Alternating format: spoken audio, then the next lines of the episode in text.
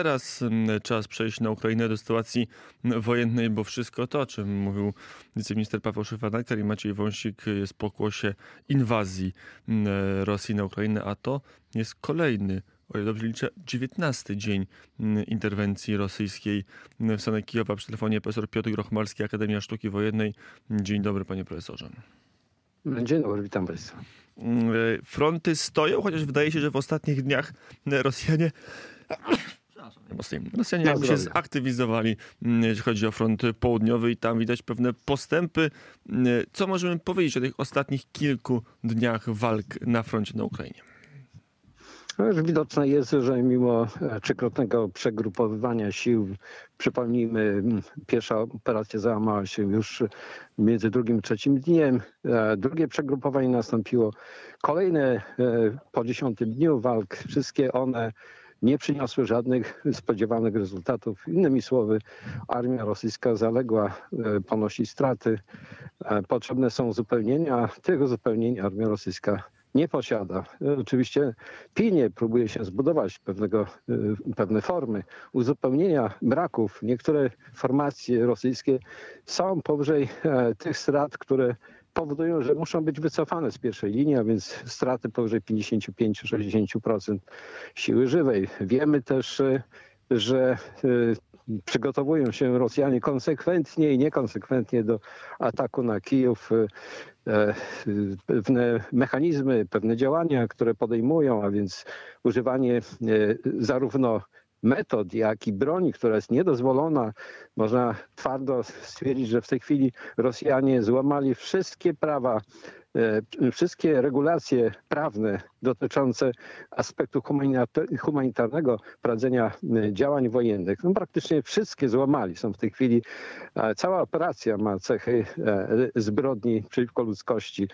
Pomijamy konkretne przykłady, które są dowodem popełnianych zbrodni, ale także pamiętajmy, że te zbrodnie mają swój wymiar ludzki, to znaczy stoją za nim dowódcy rosyjscy, stoją za nimi żołnierze, którzy wykonują te rozkazy. W związku z tym tutaj ogromna rola dokumentowania tej zbrodni e, przeciwko ludzkości, którą dokonują e, rosyjskie formacje. E, to wszystko, co w tej chwili utrwalają dziennikarze, stanowi akt oskarżenia przeciwko armii rosyjskiej, ale także przeciwko politykom, bo to przecież politycy wysłali tą armię do bestialskiej wojny, do agresji na Ukrainę. I to oni będą odpowiadali. Mam nadzieję, że ta wojna skończy się Trybunałem, Międzynarodowym Trybunałem i że Putin skończy tak jak Miloszewicz, a więc y, jak zbrodniarz wojenny, bo rzeczywiście do, dopuszcza i y, wywiera coraz większą presję, aby e, przy tych porażkach, jakie armia rosyjska mm, ponosi, wzmocnić agresję, wzmocnić skalę zbrodni dokonanej na ludności cywilnej. To, to przypominam, bo ulubioną postacią historyczną e, Putina jest Suworow, ten generał, który e, doprowadził do rzezi, no, rzezi ludności cywilnej na Pradze. E, tej rzezi, która rzeczywiście zakończyła, to była ostatnia operacja wojsk Rzeczpospolitej Obojga Narodów, ostatnia operacja w ramach e, powstania kościuszowskiego e, i ta zbrodnia rzeczywiście przyniosła pewien wymiar, mianowicie rzeczywiście skłoniła dowódców powstania, aby wycofać się z Warszawy, aby oddać lewobrzeżną Warszawę i to, te zbrodnie, które są dzisiaj dokonywane na Ukrainie mają być właśnie tym czynnikiem e, oddziaływania psychologicznego, mają złamać e, kierownictwo polityczne państwa ukraińskiego i zmusić do uległości. Skala zbrodni, e, ta sama właśnie, której się Rosjanie dopuścili wówczas w Polsce, ta sama te same zbrodnie, których się dopuszczali podczas agresji na Czeczenię, podczas oblężenia i zabijania ludności cywilnej podczas I wojny czeczeńskiej, podczas II wojny czeczeńskiej, kiedy mordowali, używali dokładnie tych samych rodzajów broni, broni kasetowej, e, bomb burząco zapalających, ca, ca, także e, broni termobarycznej, tej właśnie broni, którą w tej chwili używają na Ukrainie. Wszystko to są rodzaje broni i sposoby prowadzenia wojny, które są absolutnie zakazane. Forma głodzenia ludności, odcinania od dostaw żywności, odcinania od leków. To jest wszystko, co zabrania prawo międzynarodowe. Innymi słowy, Putin jest dzisiaj zbrodniarzem wojennym i powinien podlegać z tego tytułu ustawodawstwu międzynarodowemu. I to jest też pewnego rodzaju presja na tych polityków europejskich, szczególnie niemieckich, którzy ponoszą bezpośrednią odpowiedzialność za to, że Rosja przygotowywała się przez lata do tej wojny, e, zachęcała nawet e, Putina do tego typu działań, bo nie ulega wątpliwości, dzisiaj to widać wyraźnie, że ostrzeżenia e, dotyczące Nord Stream 1, Nord Stream 2, a wielokrotnie powtarzałem, że Nord Stream 1 jest zachętą do wojny na Ukrainie. I tak się stało, że Nord Stream 2 jest tak naprawdę otwarciem wojny w Europie. I tak się stało, więc mam nadzieję, wielką nadzieję, że zbrodnie, których się dopuszcza reżim Putina na Ukrainie spotkałem się z jednoznaczną oceną Trybunału i że po raz pierwszy tak naprawdę Rosjanie za wiele zbrodni, których dokonywali, podniosą e, także prawną, nie tylko moralną odpowiedzialność. To jeszcze, panie profesorze, powiedzmy trochę, kto te rozkazy wywoł, wykonuje. Generał Wiktor Złotow, jeden z głównych militarnych doradców Władimira Putina powiedział y, wczoraj albo przedwczoraj, nie wiemy skąd dokładnie, z kiedy dokładnie było nagranie, że operacja nie idzie tak szybko, jakby to wynikało z planów rosyjskich. To takie pierwsze oficjalne potwierdzenie, że ta operacja idzie nie po myśli Kremla. Kto jeszcze jest w tym najbliższym kręgu Władimira Putina? Kto z niego wypadł, bo chodzą różne informacje o, o, o domowym dla dowódców e, wywiadów wojskowych. Czy wiemy też o tym przetasowaniu e, wśród doradców i założników Putina przy okazji tych 18 dni e, walki na Ukrainie? No, wzmocnił nieco swoją pozycję Prygorożyn. To jest ten, ten kucharz e, Putina, ten człowiek, który właśnie jako e, były bandzior, pospolity bandzior, a później człowiek, który otworzył e, interesy biznesowe, no i stworzył taki, taki, taki rodzaj kasyna, rodzaj kawiarni, restauracji napływającej bardzo po Moskwie, ulubionym miejscu, gdzie Putin przyjmował wielu przywódców świata, w tym Schrödera.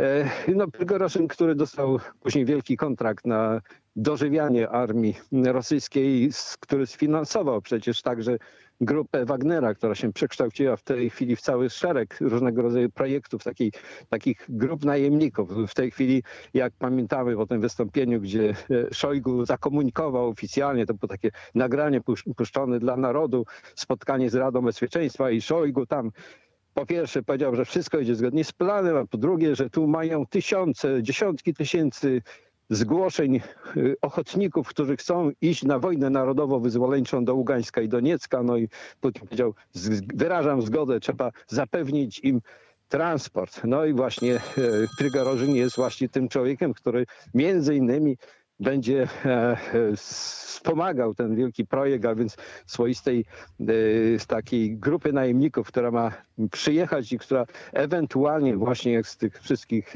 informacji wynika, Rosjanie szukują różnego rodzaju projekty związane z bronią biologiczną, chemiczną, a także z bronią radiologiczną, używaniem brudnej broni atomowej, czyli, czyli po prostu paliwa atomowego do strażenia ludności cywilnej, ale jednocześnie wywierania wywierania presji na społeczeństwo europejskie, no bo e, Putin półoficjalnie jakby przekazuje taki komunikat, że oto jacyś bandyci będą ewentualnie przenikać do Europy i straszyli możliwością podkładania różnego rodzaju ładunków. No bo tak rozumiem ten komunikat o, o tych naiwnikach. Oni nie tylko mają e, atakować ludność cywilną na Ukrainie, mają dokonywać bandyckich napadów, tak jak 161 e, specjalny pułk imienia Ahmada Kadyrowa, ta e, elitarna grupa, która straszyła ludność całego Kaukazu, która napadała na Inguszy, która e, terroryzowała ludność tych wszystkich poszczególnych republik, która zabijała na oczach ludności cywilnej w Warszawie, ludzi, których wskazywał Putin jako tych, których należy zlikwidować.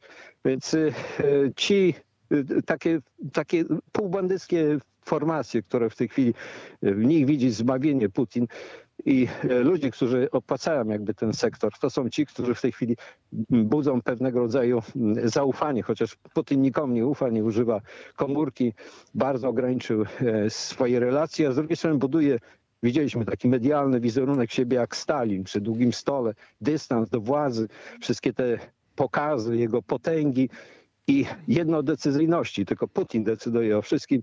Putin ma w rękach los e, Rosji, los świata i wszyscy przyjeżdżają, aby błagać go o pokój. A czy są jakieś informacje, że los ministra Szojgu albo e, generała Gerasimowa, szefa sztabu, sztabu e, są zagrożone?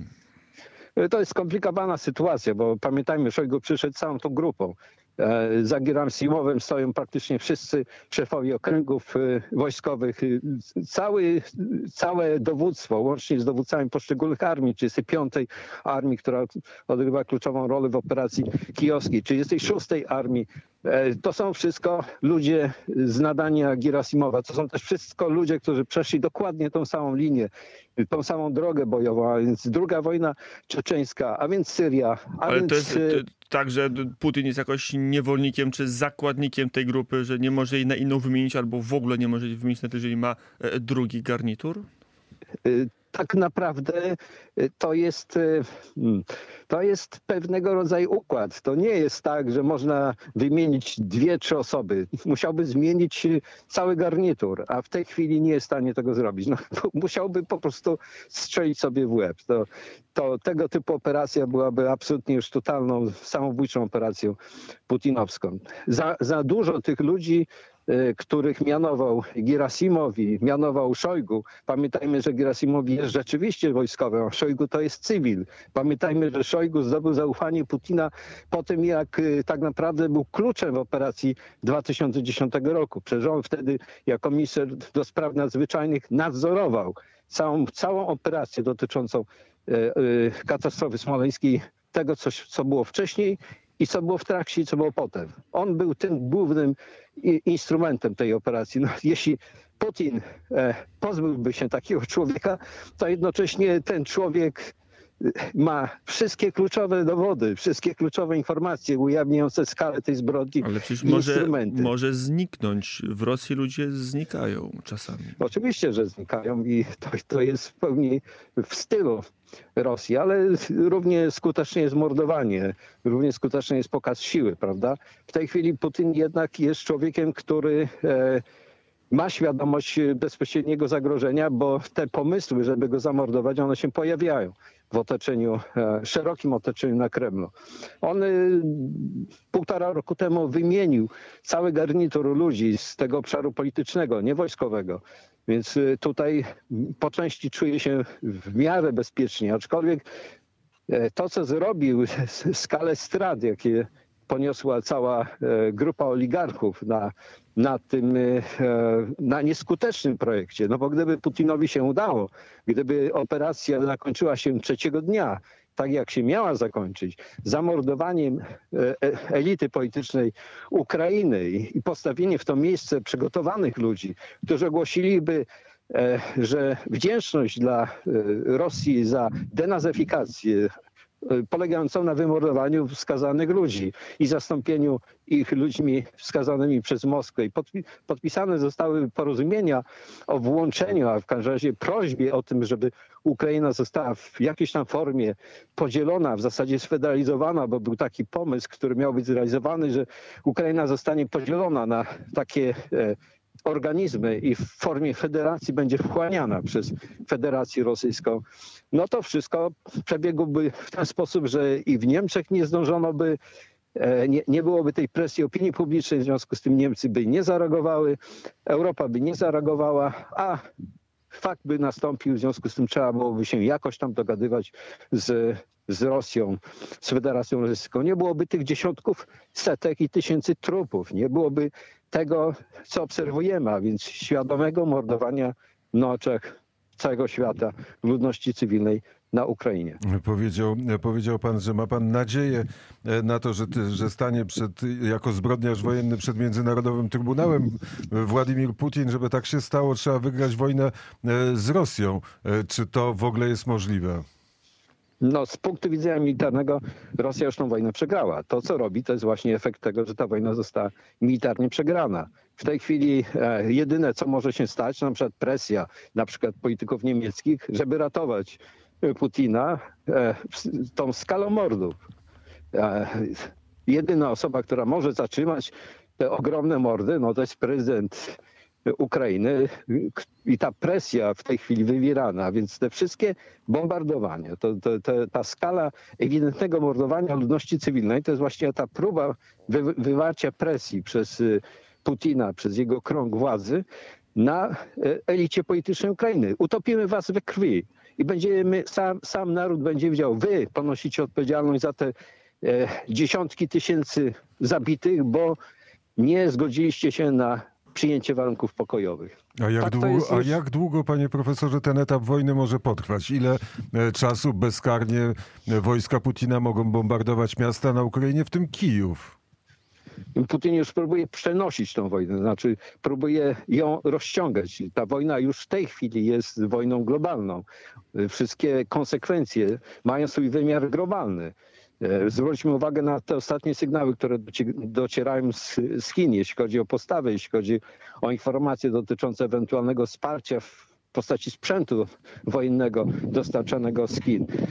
E, Zwróćmy uwagę na prowokacje ze strony Rosji, a więc odstrzelanie poligonów w pobliżu granicy polskiej, a więc sygnał także, że uważajcie, za chwilę możemy zaatakować bezpośrednio jedno z państw natowskich. E, Więc jakąś formą e, ucieczki od tej katastrofy, od tej porażki, od tej klęski Rosji jest rozprzestrzenienie tej, tej wojny na inne obszary. I teraz jesteśmy na etapie podejmowania decyzji na Kremlu, czy e, chcemy przejść do wojny światowej? Ja z, znam, wiem jaki jest sposób myślenia e, Putina i wiem, że jeśli przekroczy pewną granicę, to istnieje ogromne prawdopodobieństwo, że zostanie zamordowany.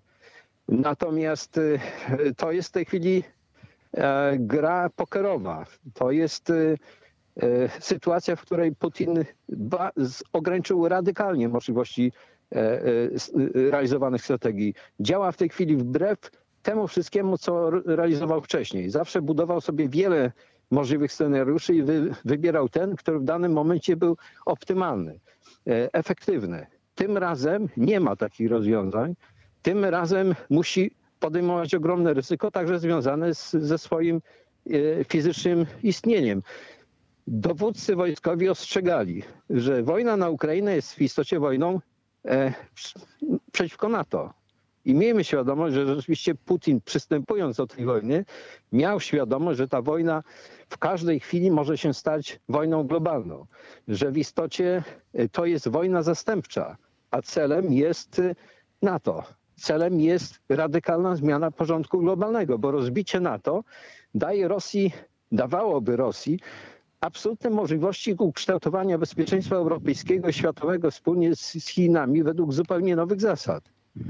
To była ta wyso, wysoka stawka. On chciał być Piotrem I. E, Jeśli przyjrzymy się e, logice e, Piotra I, to on po, po wielkiej klęsce w wojnie ze Szwecją później odnosi zwycięstwo. Zwycięstwo dlatego, że zbudował silną armię. E, Ale chwilę po zwycięstwie nad Szwedami jego siły są okrążone przez e, siły tureckie E, i jest w zasadzie na granicy klęski. 30-35 tysięcy wojska otoczonych jest przez 150 tysięcy doborowych formacji. I co on wtedy robi? Stosuje metodę hal- klasyczną dla Moskwy. Daje gigantyczną łapówkę. Gigantyczną łapówkę. Jedną z największych w historii, jakie dano. E, I rzeczywiście wojsko jego wychodzi z okrążenia i Piotr I ratuje swoją głowę. Więc y, miejmy świadomość, że w tej chwili Putin będzie wykorzystywał wszystkie instrumenty, także tych wszystkich ludzi, których przez lata skorumpował, tych, których archiwa ma. Przecież on wywiózł z Niemiec, z Drezna kilkanaście ciężarówek dokumentów dotyczących współpracowników, niemieckich współpracowników ze Stazji i z Sowietami. To był ten kapitał, który wykorzystywał później w grze z Merkel. On miał jej teczkę personalną. On wiedział, w jaki sposób z nią po- postępować. Dzięki tym zasobom archiwalnym, dzięki tym informacjom, y, Putin szantażował setki polityków europejskich. Z Finlandii, Szwecji, Danii, z Niemiec. To jest też ta wiedza. Oczywiście, że tak. No, Polska była jednym z kluczy, jeśli chodzi o, o całą strategię rosyjską, bo było to państwo osiowe. Bez Polski nie miała sens e, okupacji Europy. Tutaj były wszystkie, e, cała logistyka armii e, rosyjskiej w Niemczech Wschodnich szła przez Polskę. Polska była kluczem. W związku z tym e, zasoby służb zgromadzone tutaj przez dziesięciolecia e, były ogromne. No i oczywiście Putin e, dysponował i dysponuje e, częścią tych zasobów. No zwróćmy uwagę, że wielkie, wiele postaci zniknęło. No, jakby zniknęło z takiej aktywności publicznej. A jest taka jedna logika, którą warto stosować. Dokładnie przyjrzeć się w 2010 e, zachowaniem konkretnych ludzi. Bo to wtedy rzeczywiście Putin uruchomił i spalił wiele zasobów. Tak ważna to była dla niego e, podówczas operacja z punktu widzenia głębokiego podziału e, Polaków. Pamiętajmy, tam zginęła elita państwa polskiego, wszystkich ugrupowań politycznych, z wszystkich religii. I zbudować na takiej zbrodni podział między Polakami, no to chyba każdy na kilometr dzisiaj widzi, że to była głęboka operacja i skuteczna niestety operacja rosyjskich służb. Powiedział pan profesor, że wie, e, jak myśli Władimir Putin, a jak ważne w tym myśleniu jest to, co mówi e, patriarcha cerkwi e, prawosławnej Kirył, który właściwie stwierdził, że to jest święta wojna Rusi, że, że wspiera całkowicie Putina, daje ikony dowódcom wojskowym. Jak ważna jest ta, ta, ta, ta, ta, ta tkanka ponad, e, ponad e, umysłowa u Władimira Putina? jako osobisty instrument y, niż ponadto. Ale rzeczywiście dla niego bardzo istotnym elementem było to, co się stało, jeśli chodzi o e, cerkiew prawosławną na Ukrainie. To był też taki punkt krytyczny, a więc e, oderwanie w tym wymiarze e, cerkwi prawosławnej ukraińskiej, czyli jakby pełna już suwerenność cerkwi ukraińskiej od, od Moskwy. To, to, to rzecz bez precedensu w długiej historii podboju, także w tym wymiarze e, tym duchowym, religijnym, jeśli sobie przypomnimy, jak to wyglądało w historii budowania wpływów carskich, rosyjskich na Ukrainie, to ta kwestia była fundamentalna. Język i wiara. To były te instrumenty oddziaływania. Przypomnijmy sobie przecież, że przez długi czas język ukraiński był e, tępiony do tego stopnia, że na przykład nie wolno było e, e, by- był on usuwany z obszaru tak zwanego inteligenckiego. Mógł być językiem plebsu, mógł być językiem ludu, ale broń Boże nie miał być językiem kultury. Ta, ten obszar był zakazany dla języka ukraińskiego. Więc to, to samo dotyczyło tego wymiaru e, duchowego. No, ten projekt Ruskowomira, prawda, a więc budowania w oparciu o kulturę e, takiego, takich stref oddziaływania na świecie, bo przecież ruski mir był wszędzie, był w Polsce, był e, w Palestynie, był e, na Ukrainie. I ta, ten jeden z tych elementów całej tej logiki, tej filozofii był właśnie e, była cerkiew, była, było oddziaływanie duchowe. No stąd przecież e, Putin dokonał pewnych zmian wizerunkowych, jeśli chodzi o jego życie prywatne. Te częstego wizyty w cerkwiach, prawda? E, To ta celebra, k- którą przeprowadzał, a także ściągnięcie przez szczątków cesarza z takim wielkim, e, z taką niby wielką estymą, dlatego że w jakimś elemencie budowania tej nowej tożsamości e, rosyjskiej to, to odwołanie się w tym wymiarze e, do wszechpotęgi carskiej było, było istotnym elementem, ale także oczywiście do cerkwi, ale także do, do syndromu polskiego, no bo przecież pamiętamy, że w którymś momencie Putin przyjął bardzo szybko, ustanowił jako święto jedności narodu rosyjskiego e, dzień zwycięstwa nad Polakami, wygnania e, Polaków z Kremla i, i e, odzyskania, czy przezwyciężenia tej smuty i początek budowania Imperium Romanowów. No to jest właśnie klucz. Putin ustanawiając tą swoją wizję imperium współczesnego, a więc także postrzegając siebie jako takiego współczesnego cara, e, takiego Piotra I. A pamiętajmy, że w historii Rosji e, tylko dwóch było e, carów rdzennie rosyjskich. W związku z tym tutaj Putin chciał być tym, tym takim wielkim rosyjskim carem. Chociaż jego pochodzenie jest, jest y, pełne, pełne takich białych plam, ale nie, nie, nie wchodźmy w ten. I niejasności, w bo trzeba byłoby dyskusję rozpocząć od tego, kiedy się faktycznie Putin urodził, bo to też nie jest, zdaje się, do końca jasne i ustalone. E, Panie profesorze Piotr Chmalski przy telefonie Radia Wnet, Akademia Sztuki Wojennej w Warszawie. E, Panie profesorze, to jeszcze na chwilę wróćmy na front wojny e, na Ukrainie. Mówił pan profesor, które jednostki, jakie armie konkretnie są na tym froncie północnym, północno-zachodnim, północno-wschodnim, oblegają Kijów. Czy Rosja jeszcze może kolejne armie dowozi? Czy jest tak, że jeszcze Rosja, która no powiedzmy wszystkich razem z marynarką, z lotnictwem e, podobno ma około 900 tysięcy żołnierzy, prawie milion, czy jeszcze ma skąd ściągać nowe, pełnowartościowe jednostki na fronty Ukrainy?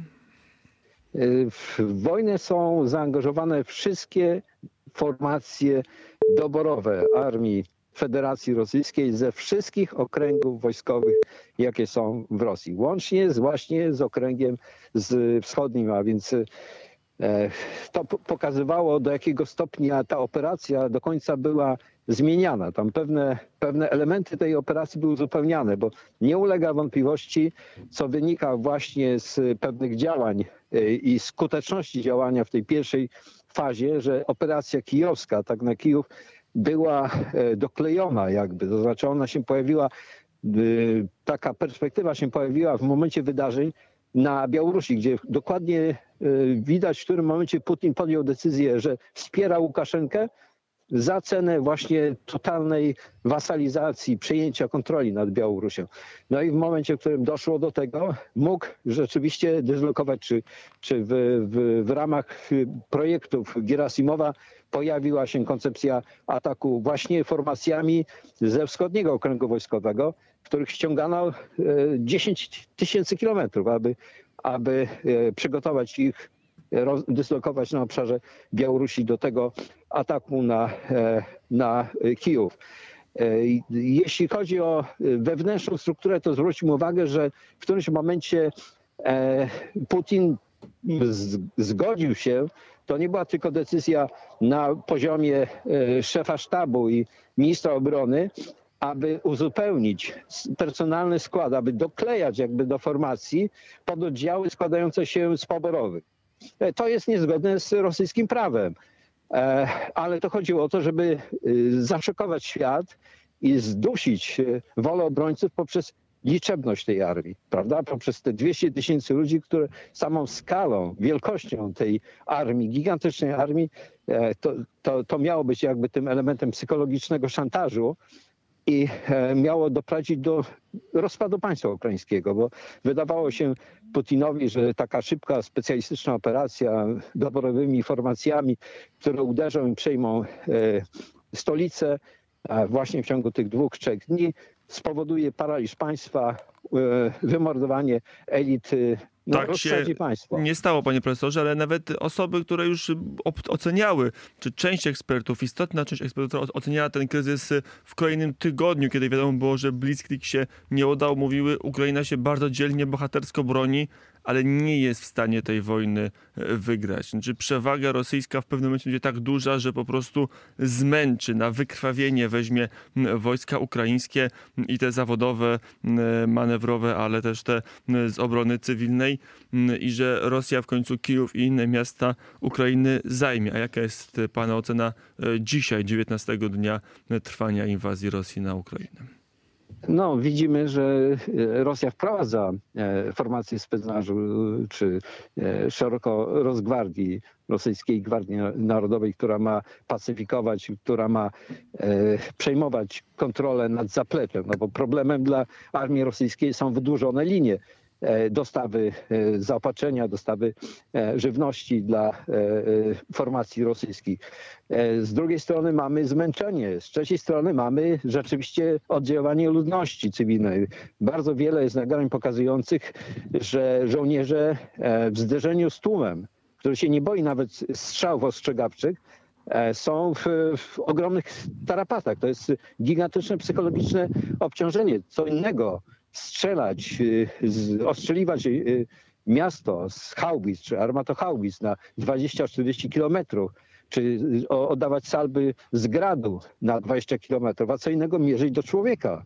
To, to jest naprawdę, że w którymś momencie, jak pamiętamy, wprowadzono to rozwiązanie dotyczące ludobójstwa, bo jeden z współtwórców mówił Hepner, a więc taki y, rzeczywisty twórca koncepcji ludobójstwa, y, no, między innymi mówił, że to jest ogromne obciążenie psychologiczne dotyczące zabijania. E, czymś innym jest y, właśnie stworzenie tego typu rozwiązania, takiego humanitarnego rozwiązania, bo przecież Niemcy czy Hepner mówił, że to jest humanitarny sposób zabijania obozy koncentracyjne. Więc wyraźnie widać, że rośnie psychologiczne zmęczenie wojska rosyjskiego i świadomość e, skali e, e, odrzucenia, skali nieakceptacji tego, co robią ze strony tych Ukraińców, którzy mieli ich witać, witać kwiatami, którzy mieli być współbratami, a oni mówią, wynocha, jesteście faszystami, jesteście zbrodniarzami. To, to, tego typu oddziaływanie psychologiczne na żołnierza ogromnie paraliżuje jego zdolności bojowe. Ta armia jest głęboko zdemoralizowana. Jeśli Putin ogłasza, że pozwala na rabstwo, na kradzieże, to znaczy to wojsko ma się samo utrzymywać. W jaki sposób? No ma rabować ludność cywilną, czyli kolejne przestępstwo. Bo przecież nie wolno e, pozbawiać dóbr ludność cywilną. Nie można, nie można niszczyć ich mienia, nie można niszczyć ich budynków. Ta armia staje się armią zbrodniarzy, no, armią rabów armią zwykłych bandytów e, zdemoralizowanych, e, pozbawionych żywności, zmuszonych do właśnie kradzieży e, żywności. To jest armia, w której skala demoralizacji tej armii postępuje. A jak pan profesor myśli, dlaczego armia białoruska nie przystąpiła do tej armii zbrodniarzy?